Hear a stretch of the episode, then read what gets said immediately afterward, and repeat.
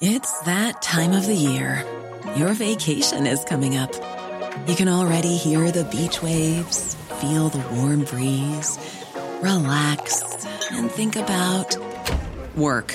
You really, really want it all to work out while you're away. Monday.com gives you and the team that peace of mind. When all work is on one platform and everyone's in sync, things just flow wherever you are. Tap the banner to go to Monday.com. There's never been a faster or easier way to start your weight loss journey than with PlushCare. PlushCare accepts most insurance plans and gives you online access to board-certified physicians who can prescribe FDA-approved weight loss medications like Wigovi and Zepbound for those who qualify. Take charge of your health and speak with a board-certified physician about a weight loss plan that's right for you. Get started today at plushcare.com slash weight loss. That's plushcare.com slash weight loss. plushcare.com slash weight loss.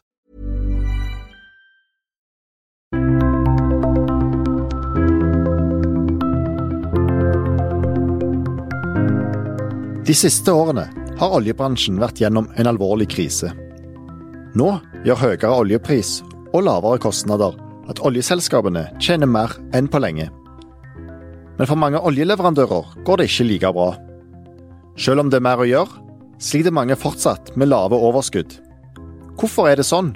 Hva kan oljeservicebedriftene vente seg framover? Og hvilket ansvar har egentlig oljeselskapene for leverandørenes lønnsomhet? Du hører på Det vi lever av, en podkast fra Sysla. Jeg heter Ola Myrseth. Med meg nå har jeg sjeføkonom Kyrre Knutsen i SR-Bank og Espen Norheim, som er partner i rådgivning- og revisjonsselskapet EY. Velkommen, Espen og Kyrre. Takk for det. Kyrre, jeg tenkte vi kunne gå rett på sak her på det som er tema for denne podden. og Oljeselskapene håver jo inn mer penger enn på lenge. Hvorfor går det ikke bedre med leverandørene? Hvis vi ser på de siste åra, så kom vi fra en voldsom opptur der det var nokså god inntjening for en god del leverandører. Og så var det en bratt nedtur fra og med 2015-16. Eh, og det som har skjedd disse årene, er jo at oljeselskapene bruker mindre penger. Og i deler av leverandørindustrien så har det vært, og er fortsatt, god kapasitet. Så det er ganske hard kamp om oppdragene. I fjor så flata aktiviteten ut på norsk sokkel, litt bedre globalt. I år så kommer den til å stige med et sted mellom 10 og 15% på norsk sokkel. Så det blir et bedre marked. Men fortsatt så er det sånn at det er ganske god kapasitet i de delene av leverandørindustrien der det ikke har vært gjort store eh, eh, altså type rigg og båter og sånt, der det er vanskelig å få alternativ anvendelse på eh, eiendelene. Så kommer vi litt mer til, tilbake til mye av dette her etter hvert. Men eh, Espen, dere i EU lager jo hvert år en stor eh, oljeserviceanalyse. Hvordan vil du beskrive de årene leverandørene har vært gjennom nå? De har vært særdeles tøffe. Eh, vi gikk vel ut og, og sa at den perioden 14-15 til 17 så vil denne bransjen egentlig skrive disse årene inn med, med fet font.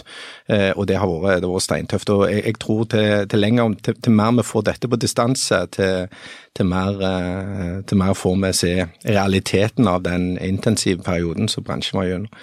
Bransjen gikk fra 520 milliarder norske kroner i omsetning i toppåret 2014 til de siste tallene vi har er i 2017, og de er på 293. Så vi snakker en 44% nedgang over de tre driftsårene for den kjempestore industrien som, som dette er i Norge.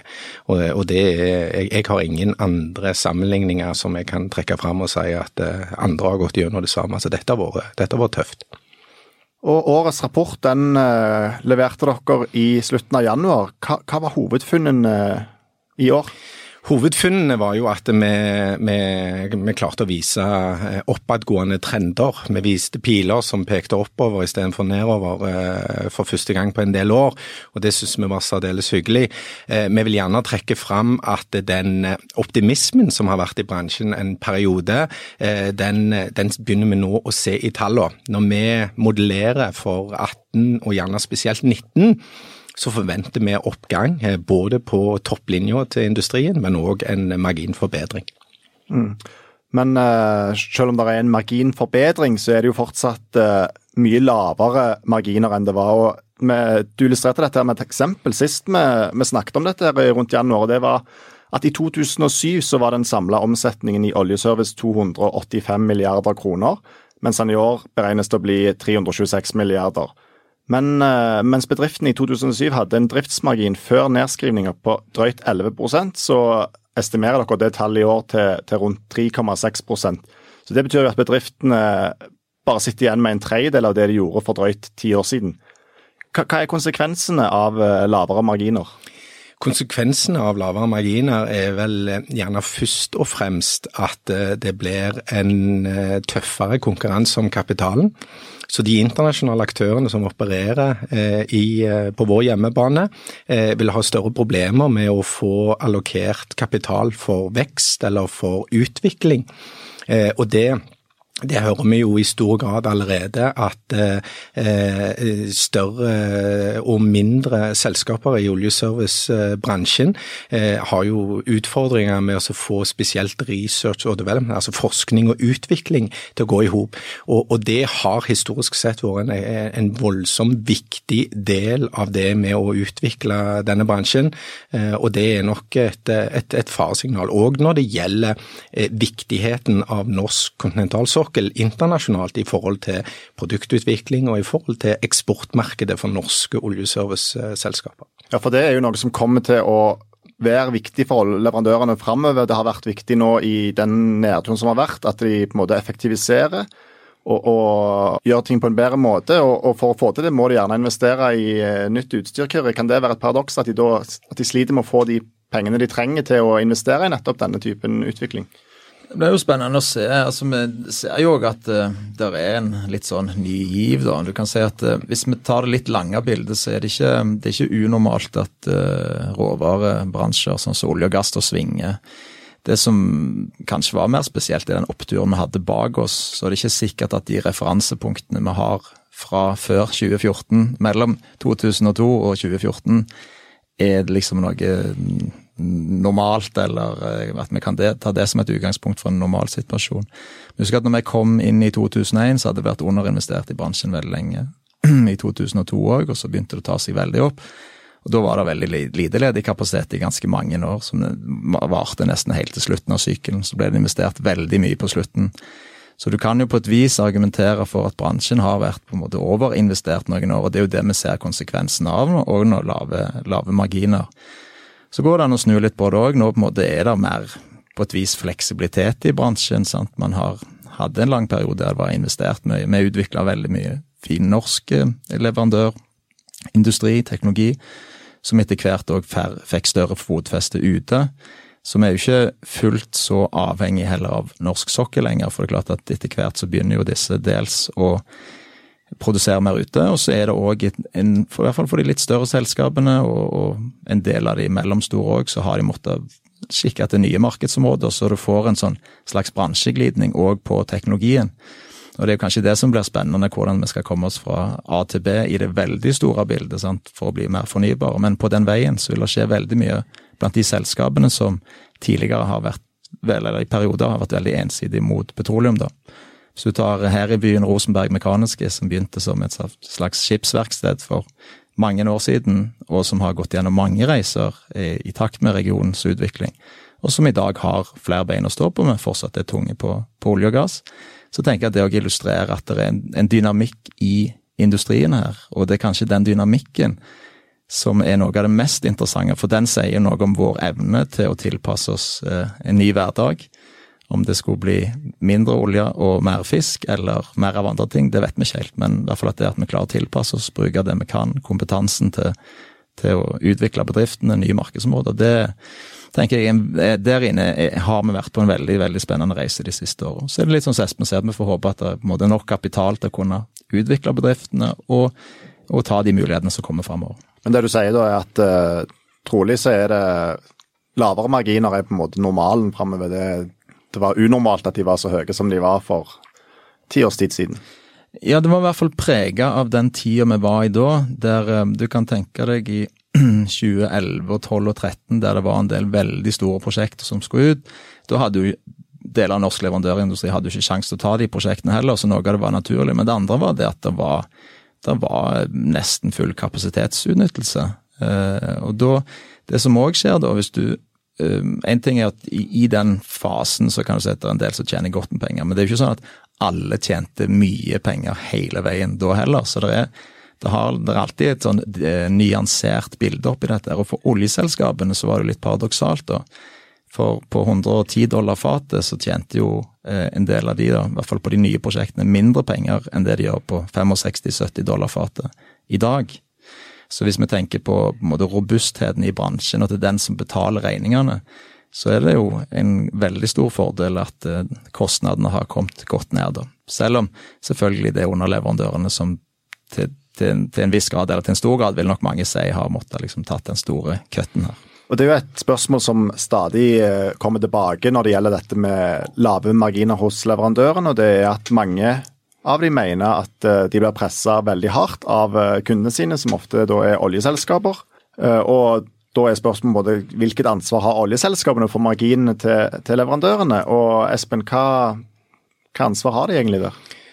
Eh, jeg, vet ikke, jeg, vet ikke, om jeg skal si at en kunde har et ansvar når det gjelder marginene til, til sine leverandører, men, men, men, det er klart det, det, er, det, er, jo det er utrolig viktig at uh, det er et marked som fungerer. Eh, og det, er vel, det, er vel, sånn at eh, når det er kjøpers marked, så vil jo en, eh, en eh, kunde vil jo forsøke å, å, låse inn prisene over tid, og det har vi jo sett skjedd i, i, i, olje og gass i denne syklusen her, som nok er med å dempe marginutviklingen noe. Overkapasitet har allerede blitt nevnt, det er jo òg en, en, en, faktor i dette. når det gjelder marginbildet sånn generelt sett er jo marginbildet òg en, en, en, konsekvens av den kapitalen som er låst i systemet, om det er i et selskap eller en industri eller hva det nå er, eh, i kombinasjon med risk. Så, så, når vi sitter og kikker på dette, så ser jo vi at eh, gjerne eh, kapitalstrukturen må tilpasse seg at det der er et noe medium marginbilde her. At risikoen, altså risikoen ikke blir reflektert i det vi kaller for en avkastning på, på investert kapital, eller sysselsatt kapital. Eh, så vi, vi, kikker jo litt på dette og ser at det, eh, hvis du f.eks. tar tunge eiendeler, så vil det jo være naturlig å se om at du kan få noen kontraktstrukturer som gjør at de gjerne blir plukket opp av infrastrukturfond som har en lavere risiko, en lavere avkastning, som et eksempel. Så dette systemet vil jo tilpasse seg til dette, men eh, vi, vi, sitter rett etter eh, Finnbullvinteren eh, eh som, som, har vært ekstremt kalde. Eh, og, og, da er det veldig lett å si at, eh, at sånn som det var, har vært tidligere, blir det ikke igjen. Eh, vi, vi tror at denne bransjen er, har vært, vært syklisk siden 1859, og det kommer den til å fortsette med å være. Jeg er òg enig med Kyrre sin kommentar at den tida som vi har lagt bak oss, og gjerne spesielt 2011 til 2014, at den nok var, var spesiell. Men her blir det business as usual og her kommer leverandørleddet til å eh, tjene penger eh, framover òg. Eh, så vi skal opp igjen, og så skal vi ned igjen, og så skal vi opp igjen en del tiår framover til. Og Med den syklusen som du nevner der, så kommer jo en annen av de utfordringene som har vært nevnt nå gjennom krisen opp. og Det er jo dette man har hele tiden snakket om at nå må vi unngå at kostnadene fyker til værs igjen når det igjen begynner å gå bra. Kommer man til å klare det? Eh, ja, delvis eh, så kommer vi til å gjøre det. Det vi må snakke om da, er jo at det er strukturendringer. Altså, Effektivisering er bra, det. Eh, effektivisering er veldig bra. Det gjør, det gjør, industrien i det store bildet mer konkurransedyktig. Og så øker det bruttonasjonalprodukt i, det flotte landet vårt. Så den, den, den skal vi holde på. Det er fremdeles eh, sånn at eh, denne bransjen eh, den genererer verdier med samarbeid. Altså Kundene til oljeservice hadde jo ikke klart å få til det de skal få til uten leverandørledd. Så det vil være en naturlig splitt av fortjeneste i forhold til den risken som de aktørene har i et gitt prosjekt eller i en viss kontrakt eller hva det nå er, og det vil normaliseres. Så her blir det bedre marginer. Men, men når vi hadde superoppturen vår i 2011 til, til 2014, så var det jo et voldsomt fokus på volumøkning. Det er nå engang sånn at et selskap som vokser, så pleier det som regel å gå utover marginene. og Det var våre tall, det viser våre tall òg. At marginbildet begynte jo nedadgående allerede i 2011 for industrien totalt sett. Eh, for det koster å vokse, og det koster å redusere eh, kapasitet. Og nå har vi vokst kraftig i en del år, og så har vi redusert enda kraftigere i en del år. Og det er ikke optimalt for marginbildet til, eh, til noen som helst bedrifter. Jeg tenker det, det, er to ting som er liksom forskjellig nå da fra eh, den forrige oppturen. Det ene er at eh, i, på slutten av denne oppturen så ble det investert veldig mye, og det er jo det vi ser nå. Det er overkapasitet, eller god kapasitet, i, i ja, nokså store deler av leverandørleddet. Um, så det er det ene. Det andre er det at hvis du ser på etterspørselssidene, hvis du tar de som eh, legger prosjektene, planlagte prosjekter oppå hverandre og summerer det, Oljedirektoratet, SSB, Norges Bank, så er det sånn at i år ligger an til å bli et bra år. Eh, investeringsvekst på kanskje 15% total aktivitetsøkning på 10-12-13. Så fin oppgang. Men det de fleste ser nå, er mer en utflating sideveis de par neste årene.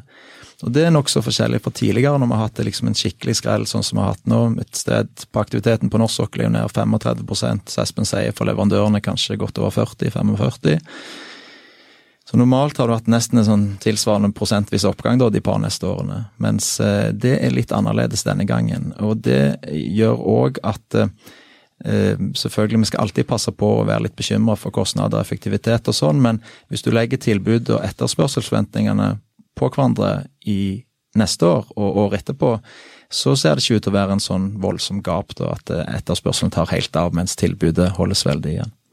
Så, um, så det er en This time is a little bit different. Noe det har vært en del snakk om de siste årene, er jo at eh, norske leverandører har blitt mer konkurransedyktige mot bedrifter i utlandet. Hva sammenheng er det mellom dette vi snakker om med lavere marginer, og at de har bedre konkurranseevne?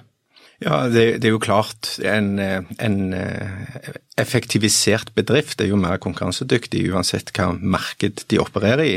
Eh, og så, eh, så, er det nå engang sånn at eh, den norske krona har, eh, har eh, hjulpet til med at eh, selskaper med krone-kostnadsbase har blitt mer konkurransedyktige i utlandet.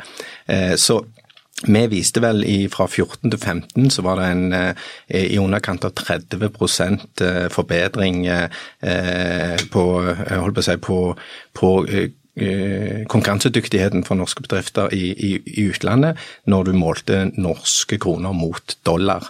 Eh, så, så den, den, har vært en betydelig eh, assistent til at norske bedrifter har blitt mer konkurransedyktige i, i utlandet. I kombinasjon selvfølgelig med at norske bedrifter er er nummer én på eh, teknologi eh, innenfor eh, olje- og gassproduksjon til havs. Eh, har, Norge har et ekstremt sterkt brand eh, når det gjelder eh, internasjonal olje- og gassproduksjon til havs. Det, det, er det heller ingen tvil om, og det, det har de hatt lenge. Bare for å supplere litt. Hvis vi tar en del, god del selskaper sier at de er nær et sted mellom 25, 30, opp mot 40 kanskje, sier vel Aker Solutions. At de er nær nå på enhetskostnader. Så det har jo vært en vanvittig eh, kostnadsreduksjon, og det er mange, mange grunner til det. Men det viser òg den enorme dynamikken som var i, i denne bransjen. Kanskje òg kombinert med at vi i 2014 da begynte å nærme oss et sånn et år der du hadde strekt strikken så langt at effektiviteten og kostnadsfokuset var, var ikke helt i front. I forhold til utlandet så kan et, en måte å måle dette på er andelen norske aktører på norske, eller norske leverandører på norsk sokkel, og den har normalt ligget på 60% Tar du noe på, på de nye prosjektene, eh, Sverdrup f.eks., så er du oppe på 70% norske leverandører. Så det kan i hvert fall illustrere at uh, den uh, konkurranseevnen til den norske leverandørindustrien, den har, uh, har forbedra seg, de, òg relativt til utlandet. Antagelig så kombinert litt med den svake kronekursen som Espen var inne på. Når vi snakker om uh, oljenæringen, så er det jo mange som først og fremst vil tenke på oljeselskapene som produserer olje og gass ute i havet. Men uh, i dag er det jo leverandørene som er tema, og Espen, hvor stor del av det som uh, er den totale oljenæringen i Norge, utgjør egentlig leverandørene? Ja, altså Det er jo litt, litt, avhengig av hva du måler på. Hvis du ser på antall selskaper, så eh, viser jo, eh, hvis vi tar eh, Norsk Petroleumsdirektorat sin, eh, sin telling av de kvalifiserte olje- og gasselskapene, store og små, altså rene leteselskaper, eh, lisensdeltakere og, og eh, lisensoperatører, så toppa vel det ut sånn rundt 2014 på rundt 55 selskaper. Eh, nå har det vært noe nedgang, det har vært noe fusjoner. Selskaper har eh, blitt kjøpt av andre eller de har blitt slått sammen. Så nå regner vi vel litt i underkant av 40. Eh, og hvis du da ser på leverandørsiden, så har jo vi 1200 selskaper i vår portefølje. Hvis du ser på antall ansatte, så mener jeg at, at Nors, altså gamle Iris, opererte med en rundt 25 000 som da var ansatt i Norge i operatør, altså oljeselskapene. Eh, vi opererer med, med en rett i underkant av 100 000 i vårt datasett, som er rene oljeserviceselskaper. Og så har jeg sett andre tall som er noe høyere, der de tar med seg andre eh, type leverandører inn, som f.eks. Eh, revisorer eller rådgivere eller eh, bank eller, eller andre tjenester som er mer eller mindre 100% avhengig av det markedet. da. Så det, jeg vil jo si at eh, alt eh, utenom inntektsstrømmen, altså topplinja, så er jo leverandørleddet betydelig større enn det oljes, oljeselskapene er. Ja, altså norsk olje- og gassindustri er jo enormt stor, og det er jo Det betales på toppen, det betales fordi det er produksjon der ute. Ser vi på samla sett, så er ulike estimater på 170 000-180 000 av alle norske arbeidsplasser er direkte, litt sånn indirekte knyttet til dette. Det er en 7-8 av norsk sysselsetting. Ser vi på de oljetunge fylkene, Rogaland, så er det et sted mellom 15 og 20% Hordaland ikke så langt unna, Agder litt lavere, og Møre og Romsdal. Så det er en stor og viktig bransje, det er det ingen tvil om. Men Kyrre, en leverandør er jo ikke en leverandør. Eh, de driver med mye forskjellig, og det er òg eh, store forskjeller på hvordan det går med de nå. Kan du si noe om eh, hvilke segmenter som gjør det bra og mindre bra i dag? Ja, det er sånn at hvis det er lett å justere ned kapasiteten, så Og det er typisk hvis det ikke er så mye kapital som er bundet enten i stål, i en rigg eller en båt eller et eller annet, som gjør at en kapitalen eller kapasiteten ikke så lett å justere på, så er det eh, har du kunnet justere. Typisk en eh, olje, et oljekonsulentfirma er nokså lett å justere ned, og for så vidt òg opp igjen òg. Men der er det eh, vesentlig bedre. Og den andre motsatsen har jeg jo sagt, og innimellom her så finnes det mange forskjellige segmenter. Det andre er jo selvfølgelig òg om du kun er retta mot én kunde, et marked, eller i utgangspunktet var litt bredere, altså hadde noe Enten at du hadde flere produkter, flere tjenester innenfor samme markedet, eller et større marked, altså om du var global, da. Så eh, det er et nokså stort spenn i laget her. Det vi ser i vårt konjunkturbarometer, er jo at optimismen i bransjen er er ganske, ganske, stor akkurat nå. Det er mange som ser aktivitetsøkning. Det ansettes jo ganske voldsomt. Hvis du bare tar ingeniører og IKT-fagene, da, så er jo også arbeidsledigheten i Rogaland f.eks. er jo halvert. I Norge er den ned 20-25 det siste året. Og Det forteller oss jo at eh, bransjen igjen er på oppadgående. Det ansettes godt, er høyere fart der enn i resten av næringslivet. Og det er jo litt herlig etter noen tøffe år at vi ikke bare når bunnen, men òg eh, har en, en, fin opptur i 2019. Mm. Espen, hvordan ser dette med forskjellene mellom ulike segmenter ut fra, fra ditt ståsted? Det, det, poengterer vi jo òg i, i, i, vår rapport. Og, det er klart at, det, at det, eh, norsk oljeservice eh, eh, leverer jo tjenester og, og produkter til, til, flere marked. Eh, vi, vi, liker jo også å se på investeringsbudsjettet til, til Statistisk sentralbyrå, eller det som NPD bruker, altså Norsk petroleumsdirektorat, eh, som markedet for oljeservice. Men det, det er en betydelig del del av markedet, men det er andre markeder òg. Vi har eksport. vi har eh, vi har eh, driftstjenester som blir levert til kostnadssida til, til, operatørene. Eh, og vi, vi, ser jo nyanser. Eh, vi ser at det er hjemmemarkedet og, og, eh, som, som, som, ser ut som det har sterkest vekst. Altså de selskapene som går mot investeringsbudsjettet, som er nå i 2019 antas Jeg har sett 12% men eh, det kan mulig da Kuren nevnte opptil 15 Jeg er ikke uenig i det. altså Det blir en betydelig opptur på, på investeringene i 2019. Eh, det er ikke dermed sagt at vi ser 15 økning for eh, driftssiden, der det fortsatt er en, en stor fokus på på eh, kostnad og effektivisering. Eh, nå kommer jo Johan Sverdrup eh, i drift, som selvfølgelig eh, vil, vil, vil ta eh, noe kapasitet eh, opp, og det er jo særdeles hyggelig. Eksport ser vi vel heller ikke at du får den voldsomme økningen, spesielt ikke i nybygg, enten det nå gjelder båter, altså offshorebåter, eller det gjelder rigger. Så det, det, det er nyansert. Det som òg er verdt å ta med seg, det er at når vi går gjennom det historiske tallsettet vårt, så ser eh, på nedturen nå fram til 2017, som er de siste tallene vi har, 31.12.2017, så ser vi jo at eh, vi leverer jo den rapporten med basis i en, eh, en industritrend, eh, som da er et snitt. Så det er jo klart at her er det jo eh, spennvidde i de 1200 selskapene. og vi ser at det er noen likhetstrekk med de, gjerne de selskapene som har klart seg best gjennom denne eh, nedturen, denne Finnbull-vinteren. Eh, og det er selskaper som har hatt en, en betydelig internasjonal eh, posisjon, eh, som nok ikke har vært så avhengig av hjemmemarkedet, eh, som, som, vi ser som en litt sånn rød tråd. Og det, og det, er, jo, det er, jo, selskaper som har vokst i, i denne perioden. Så, så, bildet er nyansert, og det, det, er et, det, er jo et, komplekst system som vi prøver å koke ned til noe 40 eh, sider med forståelig tekst og, og, og grafer. Til slutt, vi har vært litt inne på det allerede, men hvordan ser det ut for eh, leverandørene nå framover? Det ser bedre ut. Vi indikerer at, eh, at bånden ble nådd i 2017.